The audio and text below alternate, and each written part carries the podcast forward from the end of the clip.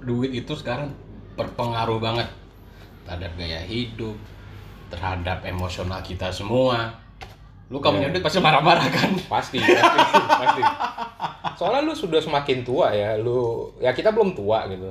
Tapi umur sudah semakin bertambah, kita tuh semakin sadar betapa berharganya uang. Iya benar. Dulu kita bisa berpikir gitu bahwa udah nggak ada uang nggak apa-apa yang penting happy gitu. Iya. Tapi sebagian besar happiness kita datang dari uang. Itu susah cuy. Iya benar benar benar. Nah, terus terus. Apalagi? Eh goblok. kan dulu masih masih introduction kan. Gua ngalamin sendiri di rumah. Pertama, gua lagi berusaha mencari kerja walaupun susah lah. Udah apply-apply duit. Sekarang sisa hmm, 300 ribu. 300.000. 300 ribu di ATM, di cash ada cepet. Ah, Itu bertahan sampai, harus bertahan sampai minggu depan.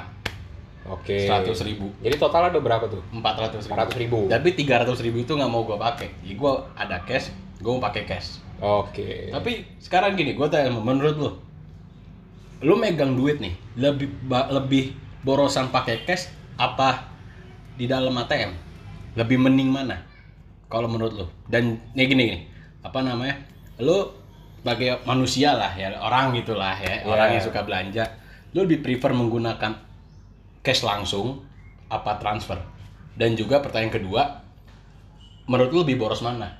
Cash atau duit yang ada di dalam tabungan? Kalau dari itu ya, kalau dari lebih seneng mana, Hmm. gue tuh sebenarnya lebih seneng cash. Kenapa? Lebih seneng cash karena kalau jadi ini ada penelitian ya masalah terkait kenapa orang yang belanja online lebih boros dibandingkan kalau belanja melalui cash gitu. Iya. Ternyata bahwa kalau kita megang uang cash saat kita bayar kita ngeluarin duit kan dari dompet, keluarin duit dari dompet kita keluarin terus kita kasih ke orang. Hmm.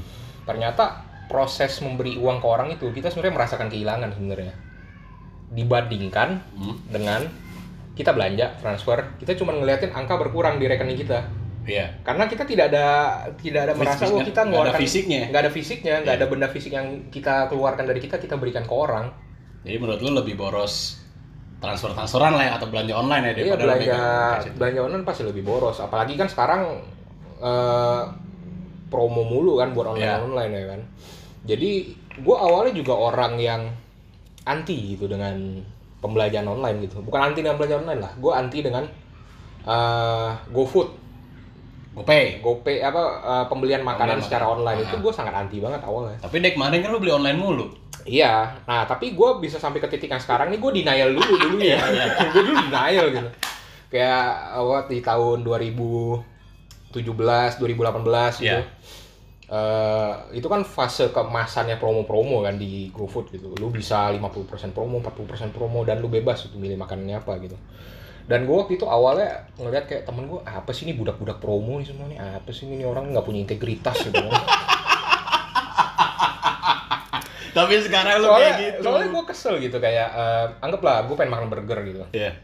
Burger ada opsi misalnya eh, Burger King terus ada McDonald gitu kan. Gue pengen McDonald nih, tapi yang lagi promo Burger King. Hmm. Jadi kan gue mesti kalau gue mau berhemat, gue mesti mengorbankan selera gue dong. Jadi gue lebih milih Burger King gitu.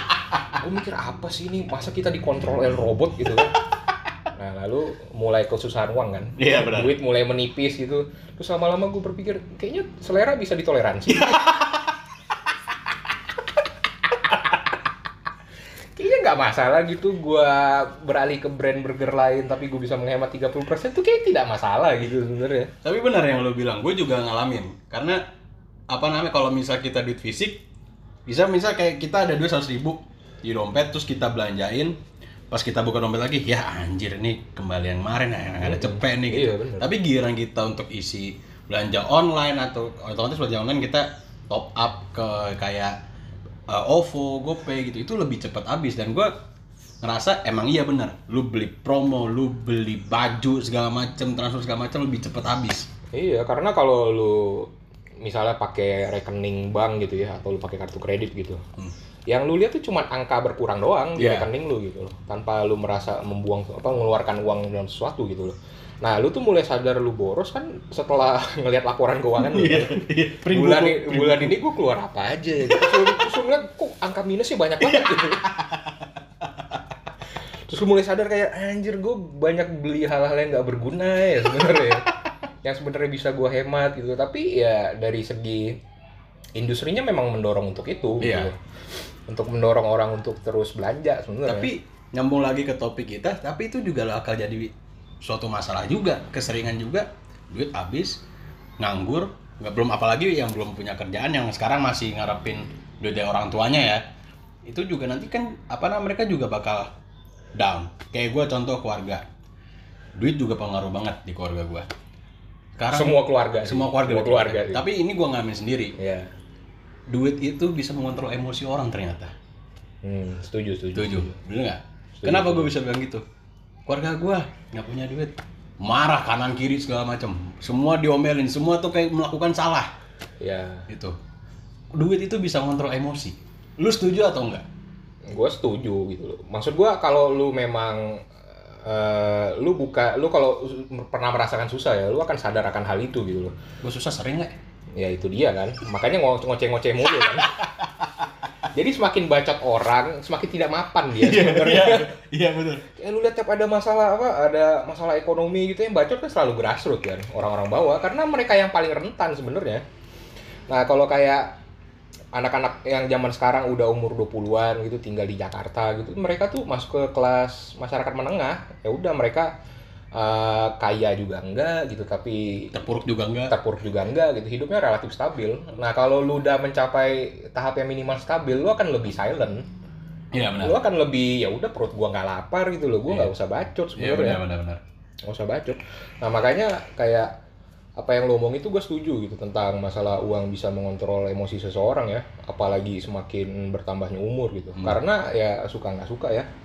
Banyak pengeluaran. banyak pengeluaran gitu loh kayak kita di umur 20-an kita mungkin masih bersyukur gitu ya bagi yang belum menikah gitu. Iya. uang hanya untuk diri kita sendiri. Ya kan?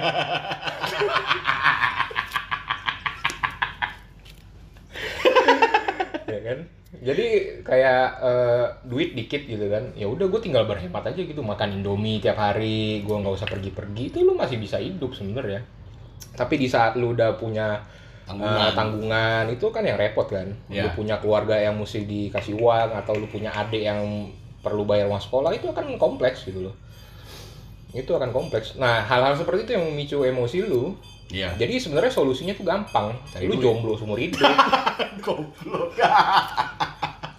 stres hilang tapi kesep tapi tapi juga kan sepi le kesepian juga ya kesepian sih itu masalah utamanya tapi lu, lu, lu, lu deh, lu belum jadwal. Oke, lu misal duit banyak lah, amin.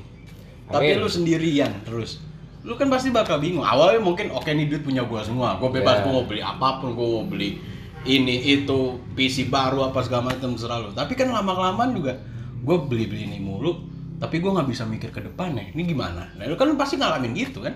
iya jadi kita kalau misalnya sendiri dan punya banyak uang kan ada cenderungan kesepian kan? Iya.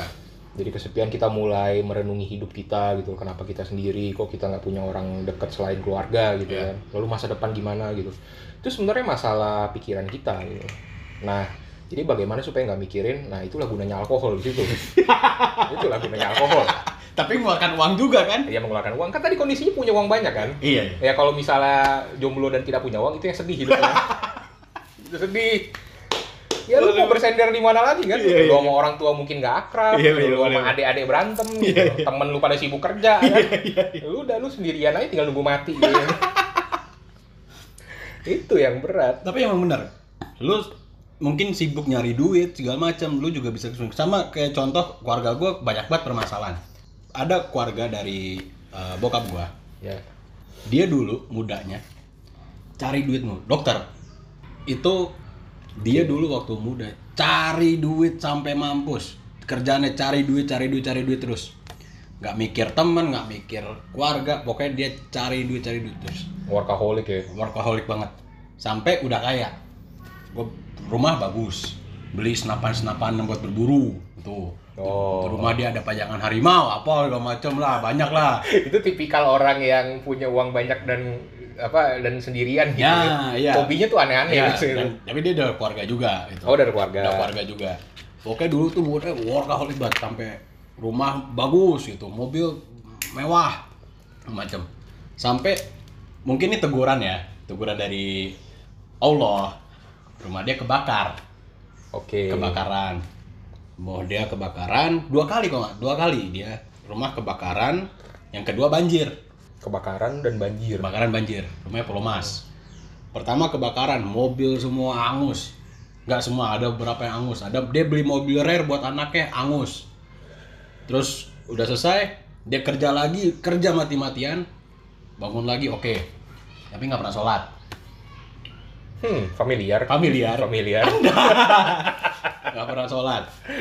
Terus kedua kebanjiran. Semua banjir semua terus dia kerja lagi kerja lagi kerja lagi dapat duit lagi kesepian keluarga ya keluarga, keluarga semua keluarga ya keluarga, keluarga besar bokap gua ngejauhin dia dan sekarang ujungnya apa dia di- dia dimanfaatin Tadi dia kesepian karena apa? karena dia terlalu kerja dan nggak mau mikirin sosialisasi Oh, sosial- relasinya relasi. renggang ya. Relasinya renggang. Setelah dia dia pokoknya dulu, dulu kerja mulu sampai sekarang udah tua dia bingung mau temenan sama siapa terus duit banyak tapi nggak tahu mau di mana mau ke mana tuh duitnya. Gitu. Sampai-sampai keluarganya keluarga, sampai sampai itu dia dimanfaatin oleh keluarganya sendiri. Gila nggak? Oh. Gue cukup berduka cita ya. Iya. Kayaknya gue udah, udah mesti mulai rajin sholat nih. rajin sholat betul. Betul. Dan mas-masan besok hari Jumat sholat Jumat ya Oh iya besok Jumat ya. besok Jumat. Wah, besok, jangan tidur. Saya tahu anda tidur. Besok hari besar nih. Weekend. weekend. Itu. Dan gue pikir bahwa lu ngejar duit. Lu ngejar duit. Oh iyalah gue ngerti duit itu emang penting lah lu beli barang tapi lu nggak bisa nyari orang nyari teman solid itu dari duit. Lu bayarnya lu jadi teman gue nggak bisa. Itu Iya. salah. Lu terlalu sibuk nyari duit relasi lu hilang Iya. lu nggak punya duit lu marah-marah semua orang disalahin Iya. emang duit ini bangsat ya Iya dan sebenarnya menurut gue yang paling sehat itu adalah sesuaikan gaya hidup sebenarnya. Jadi bagaimana? Jadi gini sih orang suka berpikiran bahwa semakin meningkat kemampuan finansial seseorang gaya hidup semakin meningkat gitu. ya Padahal seharusnya nggak serta merta juga gitu sebenarnya. Kalau lu lihat orang-orang kaya gitu ya, orang-orang kaya kan tampilannya biasa aja sebenarnya kan. iya Justru lu malah nggak nggak bakal ngelihat bahwa dia itu kaya sebenarnya. Mobil juga mungkin ya nggak nggak bukan yang paling mahal. Terus dia juga eh, apa namanya rumah juga dia nggak mau kayak istana gitu, yang penting nyaman gitu. Tapi uangnya itu dialihkan di tempat lain kan Iya. sebenarnya. Jadi bahwa sebenarnya nggak serta merta bahwa kemampuan finansial itu gaya hidup harus tinggi. Karena yang susah adalah kalau gaya hidup lu udah tinggi, kemampuan finansial lu sejajar nih ya terus kemampuan finansialnya turun. Nah, yang kalau gaya hidupnya gaya hidup itu lu akan lebih susah diturunkan sebenarnya dibandingkan dengan lu gaya hidup rendah, kemampuan finansial meningkat, gaya hidup sama aja, iya benar ya kan? Iya. Kan banyak ada kasus orang yang tiba-tiba bangkrut gitu, tapi gaya hidup sudah terlalu tinggi. Hmm. Otomatis dia berhutang dengan Ya, orang. ya. Itu yang fatal sebenarnya. dari menurut dari menurut lo deh gue mikir gue nanya Nah. keluarga lo Hmm. keluarga lo finansialnya menurut lo udah oke udah cukup atau masih belum Kalau oke, kalau cukup ya. Hmm. Kalau menurut gue sih sekarang cukup. Cukup tapi belum stabil maksud gue. Cukup tapi belum penting cukup lah yang bisa buat makan gitu segala macam ya kebutuhan remeh temeh mah bisa lah gitu loh Enggaknya hidup tuh udah cukup layak lah sebenarnya kan banyak ya yang lebih nggak layak ya Iya. apa kayak contohnya apa contohnya apa contohnya apa contohnya itu lu. Kan kemarin baru ngelayan Halloween ya? Kan sono orang trick or treat minta-minta ke rumah orang kan baru baru baru ini doang kan. Kalau di kita tuh di jalanan tuh anak-anak trick or treat tiap hari ini. Kayak gimana? Itu mas tolong mas minta mas. itu trick or treat sebenarnya gitu loh. Minta-minta tiap hari. Di luar negeri itu setahun sekali perayaan. Kalau di kita masalah sosial anjing lu gua jahat lu. Anjing anjing. Itu jahat. Anjing lu jahat banget lu. Hmm, anjing pertanyaan lo apa? Lupa gue bangsat. Menurut lu gak bak lu ngelenceng mulu sih kerja kerjaannya anjing bangsat. Kesel gua. Kan gue nanya menurut lu kalau menurut lu sendiri berarti Iya. keluarga lu finansial udah tercukupi atau oh iya iya ya menurut gue sih cukup layak. Nggak ada hubungannya sama yang orang minta-minta gak ada ya. Karena itu sih karena balik lagi yang gue bilang yang terkait gaya hidup ya dengan pendapatan gue sekian gitu sekarang di keluarga gue dengan gaya hidup yang biasa-biasa aja itu sangat cukup sebenarnya cukup cukup aja Kalau gua dibilang cukup ya cukup, dibilang enggak ya enggak hmm. gitu loh. Kenapa? Ya sama kayak lu mungkin tengah-tengah cukup cukup buat beli makan bisa buat apa namanya bayar listrik ya alhamdulillah gitu. Terutama buat cicilan sih yang susah tuh. Iya, itu ini ya kadang-kadang tuh gue suka eh, berpikir bahwa kadang-kadang tuh kita pemikiran tuh terlalu Jakarta sentris tuh gak sih? Jadi kita eh, menilai segala standar tuh melalui Jakarta gitu. Iya. Soalnya kalau lu lihat di kampung gitu ya di daerah-daerah, mereka tuh secara secara kelas gitu mereka tuh kelasnya miskin gitu ya. Tapi mereka tuh hidup tetap bisa bahagia-bahagia aja gitu. Iya benar itu yang gue bilang. kan lu mikir kayak gaya hidup tinggi, lu apa lu untuk memenuhi gaya hidup itu dengan finansial lu yang tidak cukup lu berhutang lu kredit barang yang lu mungkin nggak bisa bayar dan lain-lain itu kan masalah di kota besar banget sebenarnya. Orang-orang di kampung kan nggak seperti itu sebenarnya. Jadi ya masalah gaya hidup. Nah tetapi gue juga nggak menyalahkan orang yang punya gaya hidup tinggi ya. Hmm. karena itu masalah keterpaparan lu sebenarnya. Kalau kayak lu di Jakarta gitu lu terpapar dengan bahwa gaya hidup eh, apa namanya oh lu beli barang lu nongkrong di mana lu apa lu weekend nonton bioskop dengan pacar segala macam itu tuh kalau lu nggak pernah terpapar dengan itu lu nggak akan tahu hal itu ngerti nggak sih maksud gue? Kayak kenapa coba deh kita track back ke hidup kita gitu. Kita hobinya apa kita suka dengerin musik apa itu sebenarnya bukan murni karena pilihan kita karena Ya. kita terpapar dengan hal itu kan. Makanya ada pema ada paha pemahaman tentang oh jazz itu adalah musik yang bagus gitu loh jazz itu kompleksitas tinggi dan segala macam gitu tapi buat kita yang nggak ngerti jazz kan apa gunanya gue dengerin itu kalau gue nggak enjoy kan? Iya, iya. Ya karena itu memang orang-orang yang udah terpapar dengan musik-musik yang bagus gitu. Kalau misalnya eh, buat gue sih ya lu mau jazz mau dangdut sama aja gitu loh. Musik-musik juga Iya soalnya. musik-musik juga kan tinggal masalah selera kan sebenarnya. Nah tetapi eh, kalau misalnya orang memang setiap hari dia tinggal di lingkungan yang terpapar dengan dangdut gitu loh dan dia ternyata memang suka dengan itu yang kita nggak nggak bisa menyalahkan kan. Iya. Jadi maksud gue adalah eh, selera lu itu sebenarnya tergantung lu ada di kelas yang mana. Tergantung di kelas yang mana. Misalnya lu suka denger rock rock klasik gitu kan, Iya. musik-musik rock klasik atau suka eh, EDM gitu misalnya ya itu tipikal musik masyarakat kelas menengah gitu loh. Orang-orang yang punya pendidikan yang cukup tinggi, dia punya apa namanya? Dia punya eh, akses terhadap informasi yang luas, jadi dia terpapar dengan hal-hal seperti itu. Kalau DJ Pantura Gua nggak tahu sih. Jujur apa tuh? Yang koplo ya? Dangdut koplo ya? Koplo tapi dibikin remix remix gitu. Oh. Oke, gua mau ini sih, gua juga sebenarnya setuju juga sama, tapi gua ada satu hal yang menurut gua tuh eh, menurut menurut mungkin menurut menurut orang oke, tapi menurut gua tuh apa ya? Masih gua harus pertanyaan lagi tentang perpindahan orang dari kampung ke Jakarta, dari maksudnya dari daerah ke Jakarta gitu. Urbanisasi. urbanisasi. Orang kan biasanya nyari du, apa namanya? Bisa kita tinggal di daerah deh, daerah satu daerah. Mau mana kita mau ngerantau ke Jakarta dan dapat duit banyak. Menurut gue tuh nggak nyelesain masalah juga sih, karena tak karena juga bisa jadi orang dari daerah ke Jakarta hidupnya lebih jatuh daripada hidup dia di kampung. Hmm. Menurut lo gimana? Eh, Kita nggak ngomongin masalah orang yang udah ada berduit waktu di kampung ya kita pindah ke Jakarta kita ngomong Iya, itu. Kita maksudnya ngomongin orang daerah yang hidupnya kayak mereka dia daerah hidupnya tuh uh, bersawah, cocok tanam apa segala macam, beternak gitu. Eh, Terus mereka bilang mau ke Jakarta, mau nyari duit itu, Iya. organisasi. Dan menurut gua oke menurut dia oke wah hebat nih mau ke Jakarta semoga dapat duit banyak gitu. Tapi yang gua pikirin adalah apakah nanti dia bakal sukses di Jakarta? Kita nggak tahu takutnya ketika emang dia pindah ke Jakarta dia lebih jatuh daripada dia di daerahnya finansialnya menurut lo gimana menurut gue sih ini masalah itu ya. Masalah semua terlalu terpusat di Jakarta menurut gue. Jadi pembangunan tuh selalu paling cepat kan selalu Jakarta kan, Iya. karena dia ibu kota juga, karena dia kota bisnis juga gitu. Nah jadi eh, biasanya yang di daerah itu kan selalu nyusul belakangan kan. Iya. Kayak misalnya internet 4G masuk, oh Jakarta duluan pasti, Iya. daerah-daerah lain belakangan gitu. Ntar ada kayak tren deh, tren apa gitu, fashion kayak musik gitu, pasti Jakarta dulu yang yang serap duluan lalu nanti baru mulai nyebar ke daerah.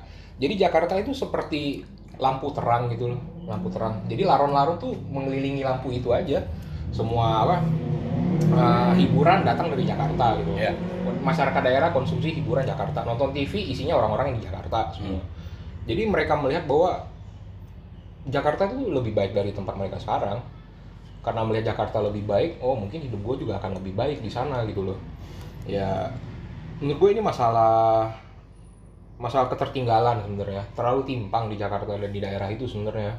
Terlalu timpang. Itu yang gue takutin loh maksudnya ketika dia di daerahnya dia ya aman-aman aja gitu. Mereka ini obrolan serius banget ya. Ya, ya apa namanya dia di daerah aman-aman aja gitu dia bisa ber- dia punya apa sawah bercocok tanam terus juga ada peternakan lah apa segala macam ketika melakukan urban, urbanisasi dari situ ke Jakarta otomatis kan mungkin orang orang dari daerahnya dia mikir wah di Jakarta nih pasti dapat kerja duitnya banyak gitu loh.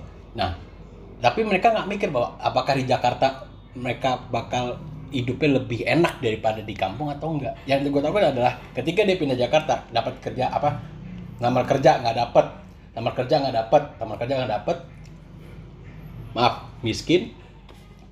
Gimana? Hidupnya dia padahal di daerah lebih enak. Lebih nggak jatuh di Jakarta. Kan itu istilahnya kan adu nasib ya. Kalau ke Jakarta tuh mengadu nasib. Kenapa itu disebut mengadu nasib? Sebenarnya karena di daerah itu hidupnya juga nggak nyaman lah masalah itu itu. Kayak gue lahir di Kalimantan gitu ya Kalimantan Barat. Di sebuah kota namanya Pontianak gitu. itu kota sebenarnya kota tapi pengangguran tinggi masalahnya.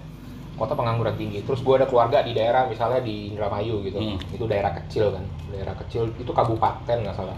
Dan keluarga gue di desanya gitu. Ya lu mungkin akan ya kita mungkin di Jakarta akan berpikir gitu bahwa oh ya udah di kampung gitu apa dia punya tanah dia bercocok tanam segala macam gitu. Enggak juga masalahnya.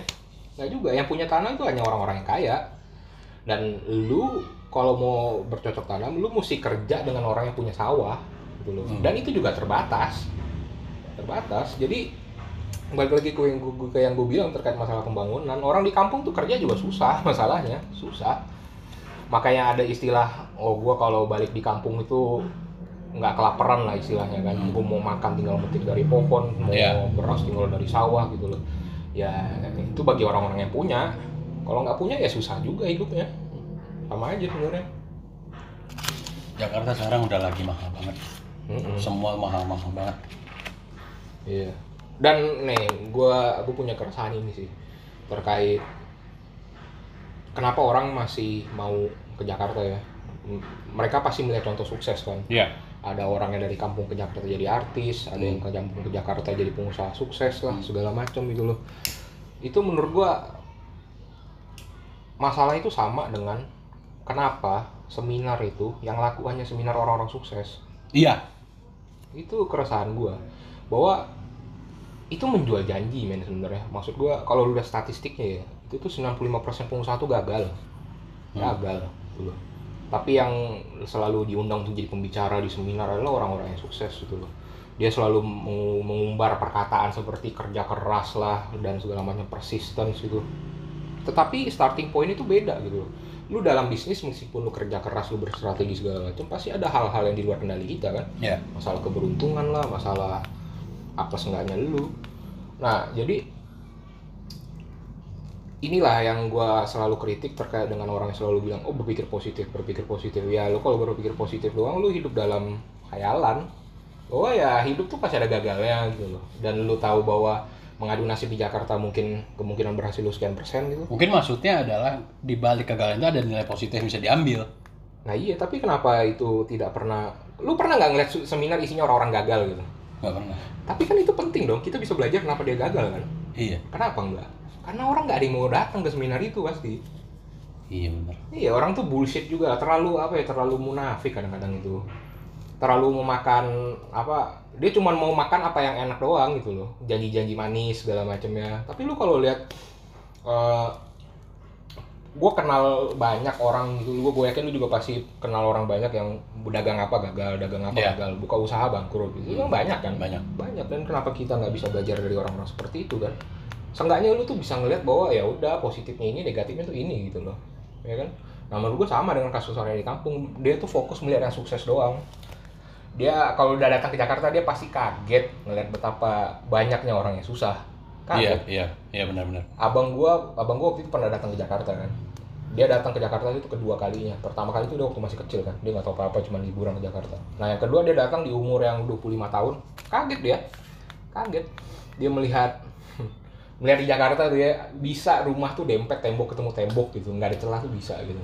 Ngelihat rumah yang ini pintu depannya langsung jalanan itu tuh dia kaget. Kaget di di di kampung gua tuh nggak ada kayak gitu-gitu Kayak rumah ada space-space rumah gitu. selalu ada space di depan selalu ada teras Ya. ada halaman meskipun kecil gitu loh begitu ke Jakarta kaget melihat betapa banyaknya orang susah ngelihat misalnya lu ke daerah mana pun lah mau daerah elit gitu misalnya ke kuningan gitu kan Hmm. penuh gedung-gedung tinggi nggak jauh dari situ kan banyak orang-orang susah kan Nih di belakangnya juga. Ada. belakang tuh orang dempet-dempet yang apa yang nyediain lahan parkir lah apa Iya. lah orang buka warung kecil-kecilan yang mepet banget di belakang sini nih itu orang rumah tuh bisa dua kali dua meter tuh bisa itu hidup anjing satu keluarga Iya, iya benar. Iya, gue sering lewat. gitu. Iya kan? Ya.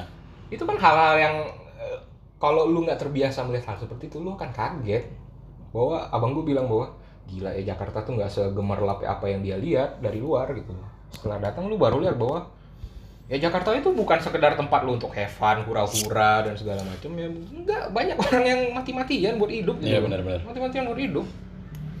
Gitu. Karena gua dari awal pindah ke Jakarta sudah ke tinggal di daerah-daerah yang banyak orang susah ya gue udah nggak kaget lagi gitu gue bayangin SMP gue dengan tempat prostitusi itu jarak cuma 100 meter nanti Bangsat. sumpah. Jarak cuma 100 meter. Mabes ya. mabes. Gue lagi pulang potong rambut ditawarin. SMP anjing. Gila gue bilang. Ngeliatin apa eh, PSK PSK lari di Rajia itu tuh udah makanan sehari-hari gitu loh. Tapi emang gila sih. Apa namanya saking mahalnya ya di tinggal di Jakarta itu banyak yang orang banyak yang mikir bahwa dari misal dia kerja kantoran, enak segala macam, terus kena PHK, terus apa dia bingung makan orang pada lari tuh berjualan buat nambung gaya hidupnya. iya Ya, menurut gua tuh apa namanya sah-sah aja karena kan itu kan hak orang. Hak orang mereka mau ngapain aja terserah dia gitu loh. Mereka yang nanggung akibatnya, mereka yang nanggung resiko. Tapi menurut gua lu nggak lu mikir setiap kali orang apa orang PHK jualan, orang PHK jualan, orang PHK jualan. Ya gua nggak nyalain tapi maksudnya pedagang jadi makin banyak gitu loh. Ya nggak sih? Iya. Cuman kalau gue sih ya, eh, menurut gue apa pun yang lu lakukan untuk bertahan hidup sih gue respect gitu. Iya. Karena gue nggak menyalahkan orang yang Berdagang. berdagang gitu. Misalnya eh, dia dipecat dia cuma bisa dagang misalnya makanan kecil gitu misalnya. Kan banyak kan yang seperti Ya itu. gue juga apa mereka setidaknya walaupun udah dipecat atau di PHK masih ada usaha untuk bisa ituin hidupin keluarganya. Iya. Dan kalau lu bertanya kenapa kenapa sih semua orang banyakkan seperti itu gitu? Iya. Ya itu sesuai dengan kemampuannya gitu loh. Maksud gue ya gua ini terkait dengan stance gue dengan pendidikan juga ya gua nggak gua nggak merasa bahwa kuliah itu wajib sebenarnya nah tetapi kalau lu berkuliah lu akan mendapatkan pemikiran yang lebih kaya gitu loh nah keterbukaan bukan kayak duitnya. Nggak kaya Pikirannya. pikiran kaya pikiran kalau kaya duit tuh ngapain ke kampus ngapain Lanjut lah. transaksi narkoba juga kaya Jadi kurir juga udah kaya ya. jadi kurir juga kaya kan sekali nganter udah berapa juta Iya, gitu iya, kan. iya. Tiba-tiba aja makan nasi di penjara no pain no gain kan no pain no gain lu mau dapat uang banyak dengan waktu singkat pasti ada minus minusnya Iya, iya, iya. lu nggak bisa kayak begitu nah maksud gua eh, pendidikan itu sebenarnya membuka opsi gitu loh. Pikiran lu semakin terbuka wawasan lu terbuka lu akan sadar bahwa oh ternyata ini nih bisa jadi profesi ya. Oh ini ternyata bisa dilakukan ya. Nah kalau misalnya memang banyak orang yang berusaha dan itu itu aja gitu cuman dagang kecil-kecilan gitu gue menurut gue pandanglah itu bahwa eh, lihat orang sesuai dengan kemampuannya kalau dia memang mampunya hanya berjualan seperti itu ya udah jualan lah gitu loh maksud gue masalah kompetensi sebenarnya masalah kompetensi dan bukan berarti kalau dagangan kecil itu rendah ya gue juga nggak bisa Enggak, gitu. enggak. Gue gue juga nggak nganggap gitu. Mm-mm. Gue nggak bilang kalau orang dagang apa, dagang kecil tuh rendah enggak. Gue tetap masih ngerespek. Tapi yang gue pertanyakan adalah apa ya? Gue nggak ada persa, gue nggak salahnya untuk pedagang apa pun itu. Tapi eh, apakah setiap orang ketika udah mepet banget pemikirannya bisa udah dipecat udah diberhenti nggak kerja apa segala macam apakah setiap orang pemikiran bahwa cara paling gampang adalah berdagang Hmm, iya Gitu. sih, karena karena berdagang itu kan memang itu cara mendapatkan uang yang udah dari yang paling tua mungkin ya. Itu kan sebenarnya intinya itu dari barter kan awal itu. ya Nah barter itu udah ada sejak zaman dulu banget sebelum ada namanya industri, belum sebelum ada sebelum ada duit istilah namanya pabrik terus ada buruh itu tuh jauh sebelum itu udah ada barter gitu sampai ditemukannya uang kan. Hmm. Nah jadi kalau untuk masalah berdagang itu menurut gua nggak akan mati, nggak akan mati. Itu memang salah satu opsi yang bisa dimasuki oleh semua orang, terlepas dari apa pun pendidikan lu latar belakang lu ya. Iya. Itu tuh yang paling netral di berdagang memang, di berdagang. Tapi tergantung dagangnya apa gitu ya. Ya iya, dagang narkoba sih kaya memang, kaya memang kaya, kaya. no pain no gain memang kan, tapi gue sempat memikir bener juga dagang narkoba atau jadi kurir itu bisa kaya loh. Kaya men. sehari gue apa namanya melihat di berita ketangkep kurir. Iya. sekali jalan 5 juta Iya kan, sekali jalan lu. Sekali jalan lima Sekali juta. jalan lu, lu mungkin 5 juta kalau lu kerja kantoran tuh sebulan baru dapat. ya. iya iya di sehari Satu hari loh. Itu juga cuma model nanteng tas kecil ya. Nih nih, nah. Eh, Nah, udah, lima selesai. juta kan, Iya. gampang banget. gampang banget kan. Jadi lu semakin berpikir bahwa kayaknya jadi orang jujur tuh nggak enak. iya iya iya. Oh gitu Gua sekolah bener, gua kuliah bener, gua kerja jujur gitu loh. Tapi ya gaji segitu-segitu aja kan. Gitu-gitu aja. Mau makan apa? tapi gue pikir baca apa namanya pekerjaan yang haram duitnya Iya. lebih banyak daripada pekerjaan yang halal. Iya kan soalnya pekerjaan yang haram tuh nggak nggak nggak apa lu nyari orang yang mau melakukan tuh nggak gampang Iya. ya kan lu nyari orang yang mau melakukan tuh nggak gampang soalnya gini kayak narkoba di mana mana terlarang gitu kan. Otomatis karena terlarang yang berani main dikit dong. Iya. Si orang yang bener-bener berani aja tuh yang main karena Iya. supply-nya dikit harganya mahal kan. Harganya mahal. Gue pernah lihat di coba deh kalau misalnya ya eh, narkoba tuh nggak dilarang gitu itu harganya pasti murah kan pasti murah dan semua orang pasti mau jadi kurir. Dan Iya. mungkin nggak perlu ada kurir karena nggak terlarang kan. Ya, ya gue nggak perlu ngomongin tuh masa narkoba gue ngomongin masa finansial. Ya, iya iya Ya kan? iya. gue pernah lihat tapi ini menjurus ke narkoba itu gue pernah lihat di YouTube gue lupa. Orang Meksiko atau orang Costa Rica kalau nggak salah. Di YouTube tuh ada gue lupa namanya YouTube ya apa. Muncul di timeline gue di interview. Lu kenapa bisa kayak gini? Kenapa bisa punya rumah bagus mobil banyak? Gue dulu kerjanya selama se- 20 tahun jadi kurir narkoba. Hmm. Iya. Jadi kurir narkoba 20 tahun. Harusnya dia bikin seminar tuh 20 tahun gimana nggak tangkep. Luar biasa, luar biasa sih gue nggak tahu dia bersekutu dengan jin mana ya tapi jago banget itu. 20, orang 20 tahun dia cuma kerja sebagai kurir narkoba dan itu gue jadi kaya gitu. Gue takutnya kalau emang apa ya masyarakat kita kan banyak orang-orang yang maaf derajatnya di bawah. Tuh miskin lah ya gitu. Terus nggak lihat kerjaan yang ada duit sedikit mau nggak mau langsung ambil dan mereka nggak mikir resikonya. Itu yang gue takutin iya. Ya kan? Iya. Menurut lu kan ya menurut lu gimana tuh kayak gitu tuh? Aneh jadinya. Bikin turun nilai-nilai di Indonesia. Lu mikir tentang nilai-nilai Indonesia lah dan segala macam itu kan sesuatu yang itu tahap selanjutnya setelah survive kan? Ya makanya gue selalu bilang apa pun yang lu lakukan buat survive ya mau haram mau halal nggak apa-apa yang penting lu tetap hidup gitu loh. Kalau ada yang bilang lu mau haram mau kagak terserah yang penting lu enjoy sama kerjaan itu kata gitu. Kalau enjoy sih udah beda perkara ya. Lu untuk menikmati gitu loh ini buat hidup gitu udah, udah beda gitu. Mau haram kan yang penting lu enjoy sama, sama pekerjaannya. Iya soalnya kayak kalau haram di agama kita kan ya, ya setahu gue nggak strict kan. Ya. contoh misalnya makan babi gitu. Nah, makan babi haram. Tapi kalau lu tersesat di suatu tempat dan hanya ada babi di depan lu halal. itu halal. Halal itu halal. Iya kan? Survive tuh nomor satu men. Itu halal kalau opsi yang lu terbuka memang adalah untuk transaksi narkoba balik lagi ke narkoba. Iya. Ya itu jadi nggak apa-apa gitu maksud gua. Kalau memang hanya memang itu opsi yang tersedia. Tapi kan ya di belahan dunia mana gitu loh maksud gua yang hanya satu-satunya opsi itu buat dagang narkoba kan. Pasti ada opsi yang lain dong. Kayak kampung narkoba kan itu kan dagangin narkoba doang.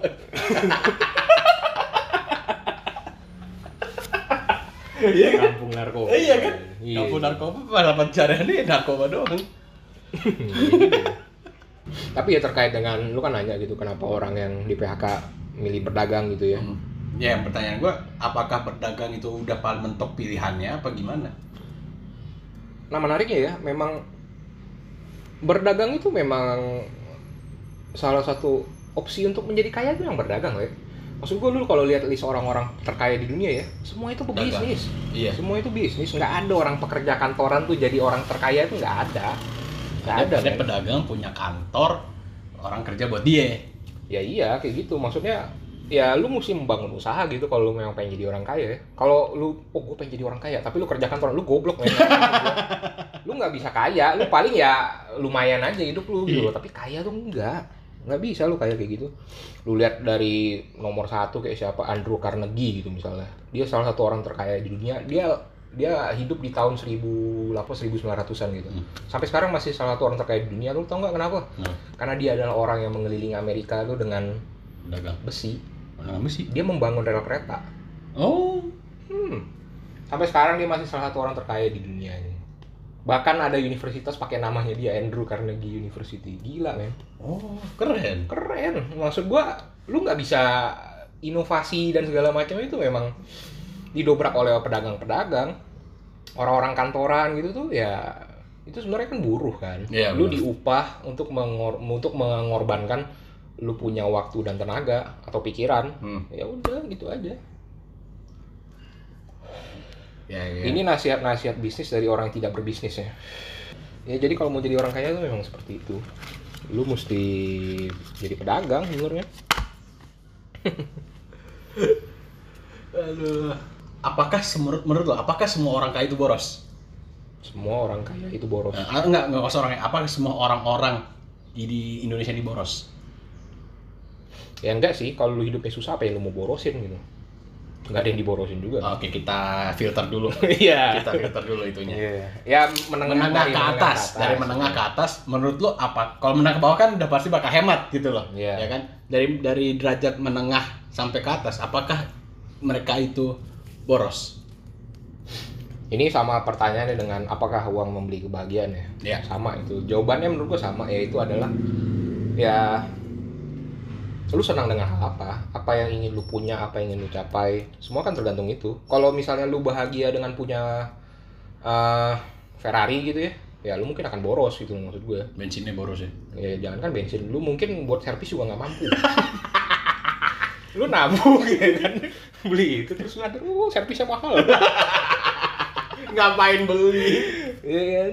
Dan boros itu kan ya itu juga tergantung lu ada di kelas ekonomi mana ya. Hmm.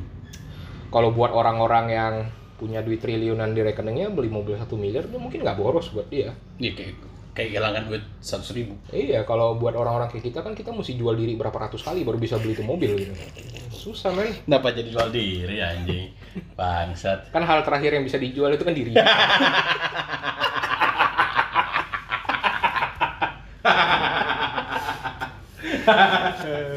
Hal yang paling gampang dijual diri ya. Oh iya itu hal terakhir yang bisa lu jual dah itu dah. Terserah lu mau jual lubang lu kayak lu mau jual ginjal lu itu bagian dari diri lu kan. Kan katanya kalau orang yang hidup apa orang yang ginjalnya cuma satu kan umurnya lebih pendek kan. Hmm. Katanya itu lu udah nyampe umur 30-an dan masih hidup tuh itu udah alhamdulillah gitu. Tapi kalau misalnya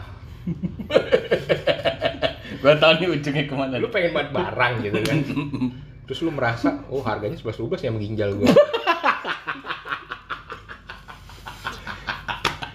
Nah, pertanyaan kan tinggal apakah worth it itu menukar 30 tahun hidup dengan barang itu kan? Apakah worth it atau itu tidak? kan dapat sih jawabannya enggak anjing. Ngapain? Lu jual ginjal. Tapi itu goblok sih. Iya. Mungkin lu bisa ngomong gitu karena harga ginjal masih relatif murah ya sekarang ya. Lu tahu harganya berapa? Harga ginjal tuh kalau di black market tuh cuman masih belasan sampai 20 juta. Hmm. Itu kan masih relatif murah kan. Ya gue bisa lah ngasilin duit gitu dengan kerja gitu. Tapi kalau harga ginjal naik gitu kan, misalnya supply turun nih, ya kan supply ginjal turun karena corona kan, udah nggak bisa nyulik orang terus lu bedah ginjalnya udah susah. Kan orang-orang kan lu tahu kan banyak orang-orang black market ginjal Hmm. itu tuh datangnya banyak dari orang-orang yang di jalanan. Pengemis atau apa yang orang. gitu? iya jadi karena lu tau nggak kenapa mereka yang diculik? Karena mereka nggak punya siapa-siapa. Oh. Karena mereka nggak punya siapa-siapa. Kalau mereka hilang nggak ada yang nyari. Oh itu jadi itulah orang-orang target yang untuk jadi apa eh, organnya yang dijual-jual itu dari situ sumbernya gila men anjing duit bisa bikin orang jadi gaco anjing pikirannya ya Ya iya, dan menurut lu aja orang seperti apa gitu yang melakukan itu kan? Iya. Empatinya ada di mana cuy? Iya, benar, benar. Empatinya ada di mana? udah semakin jauh semakin jauh Iya. dalam-dalam Dan mungkin ya mungkin dia memang kejam gitu kan, tapi mungkin dia masih takut covid gitu loh. Jadi kalau di masa pandemi ya dia juga mikir-mikir. Masa gua kena covid dari pengemis nih? babi babi Ya, Jadi gue belum ngecek lagi sih ya harga ginjal sekarang tuh. ya udah gak usah dicek anjing Kayaknya ngapain bisa lebih mahal sih karena supply-nya sedikit ya kan. Sampai ada listnya gitu cuy. Misalnya lu tau kan kalau di kita waktu SD belajar tentang anatomi tubuh. Ya karena ada gambar orang terus Biologi. kayak belah gitu Iya, kan oh iya. ini bagian ini bagian ini. Nah itu sama di situ. Ini ini ini tapi itu sebelah belah sebelahnya ada harganya. Oh. Kulit berapa per meter? Iya hidung berapa anjing bola kulit mata berapa per meter Iya. anjing kayak kain anjing. Sumpah kayak begitu. Mata satu bijinya itu berapa? Gigi itu berapa? Oh, lumayan cuy. Setelah di total total lumayan juga harga manusia.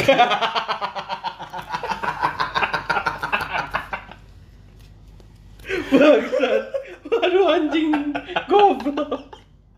Anjing goblok banget anjing. Yang paling murah tuh kuku deh nggak salah. Kuku tuh paling murah. Cuman ratusan ribu berarti duit bisa beli orang bener dong berarti? Bisa. Dari situ. Human trafficking man. Iya bener. Itu itu jual beli manusia. Jual beli manusia. Yang terus lo tau nggak sih ada dark tourism. Dark turis ah, dark tourism. Jadi turis. Turisme gelap. Hah? bukan yang turisnya orang-orang kulit gelap ya. Bukan itu rasis soalnya. Lo ngomong. Dark- dark tourism itu jadi eh, biasanya orang-orang dari negara maju butuh hiburan yang beda gitu. Hmm. dia datang ke negara-negara dunia ketiga. Nah turisme acara hiburannya itu adalah salah satunya adalah eh, dia bisa berhubungan seks dengan anak di bawah umur. Oh gila yang tuna sosial eh tuna apa namanya itu kalau orang di jalanan tuh? Wisma. Buk, eh tunawisma ya? Wisma pokoknya orang-orang yang di jalan gitulah. Jadi Gelandangan di- gitu? ya orang-orang gelandangan gitu. Karena orang-orang gelandangan ini nggak punya kerjaan ya kan? Jadi dia bergabung di kelompok yang menyediakan hiburan-hiburan seperti itu. Gila cu. Iya. Bagus. jadi di Asia tuh ya di daerah gue lupa Filipina apa Vietnam atau di mana gitu. Thailand sih biasanya Thailand. Ah iya Thailand nggak salah. Jadi banyak anak-anak kalau lu lihat tuh di jalanan dia tuh rasanya nyampur. Nyampur. Setengah warga lokal setengah ada campuran dari Kaukasian. Oh. Karena ibunya itu dipakai dan tembak di dalam. Buset. Terus udah turis itu bayar terus cabut tuh anak gak punya bapak. Gila. Gila kan? Gila cuy terus ada juga slam tourism nggak salah namanya slam tourism itu jadi hiburan Oke, cut kita cut sampai sini dulu ini udah melenceng jauh dari dari keuangan, dari finansial ya. Oke, udah ini ini emang harus Iya, di-cut ya. Ini harus di-cut banget ya karena ini udah jauh banget. Topiknya gue cuma ngebahas finansial atau duit ya perlu jadi bahas turisme apa segala macam apa apa yang ada di dark web. jadi gelap ya Ya, jadi gelap topiknya. Tadi aku cuma nanya, gue pernah pendapat menurut pandangan lo, apakah duit itu berguna banget buat kita atau enggak? Dapat sekarang jadi ngomongin dark web, nggak ada jauh. Itu udah di sini, lu udah masuk masuk masuk dalam tuh. Oh ya, kita cuma bahas itu doang ya. Oke, gua harus cut di sini. Ya nanti lu yang cut sendiri nggak mau tahu gua anjing bangsat. ya udah sejam ya ya tutup kali Oke. Jadi intinya adalah duit itu penting buat kita. Tergantung orangnya. Lu beli cash atau terus itu terserah lu. Tapi emang lebih boros adalah dengan duit yang apa namanya kayak online lah ya. Belanja Iya. belanja gitu segala macam. Dan juga kalau lu nggak punya temen lu jangan berharap dengan lu jangan harap duit lu banyak lu bisa dapat temen itu enggak lu punya temen bukan dari duit lu punya temen dari rasa solid lu sama teman oke sekian dari kita semua Dan satu kata penutup ya, eh, pesan buat orang-orang yang uangnya udah banyak gitu ya, nggak tahu mau dihabisin buat apa, kalian boleh coba lah dark tourism ya. Enggak, enggak, enggak, udah, udah, ya, sekian ya, makasih. Sekian, yang oke, udah thank you, thank you, thank you.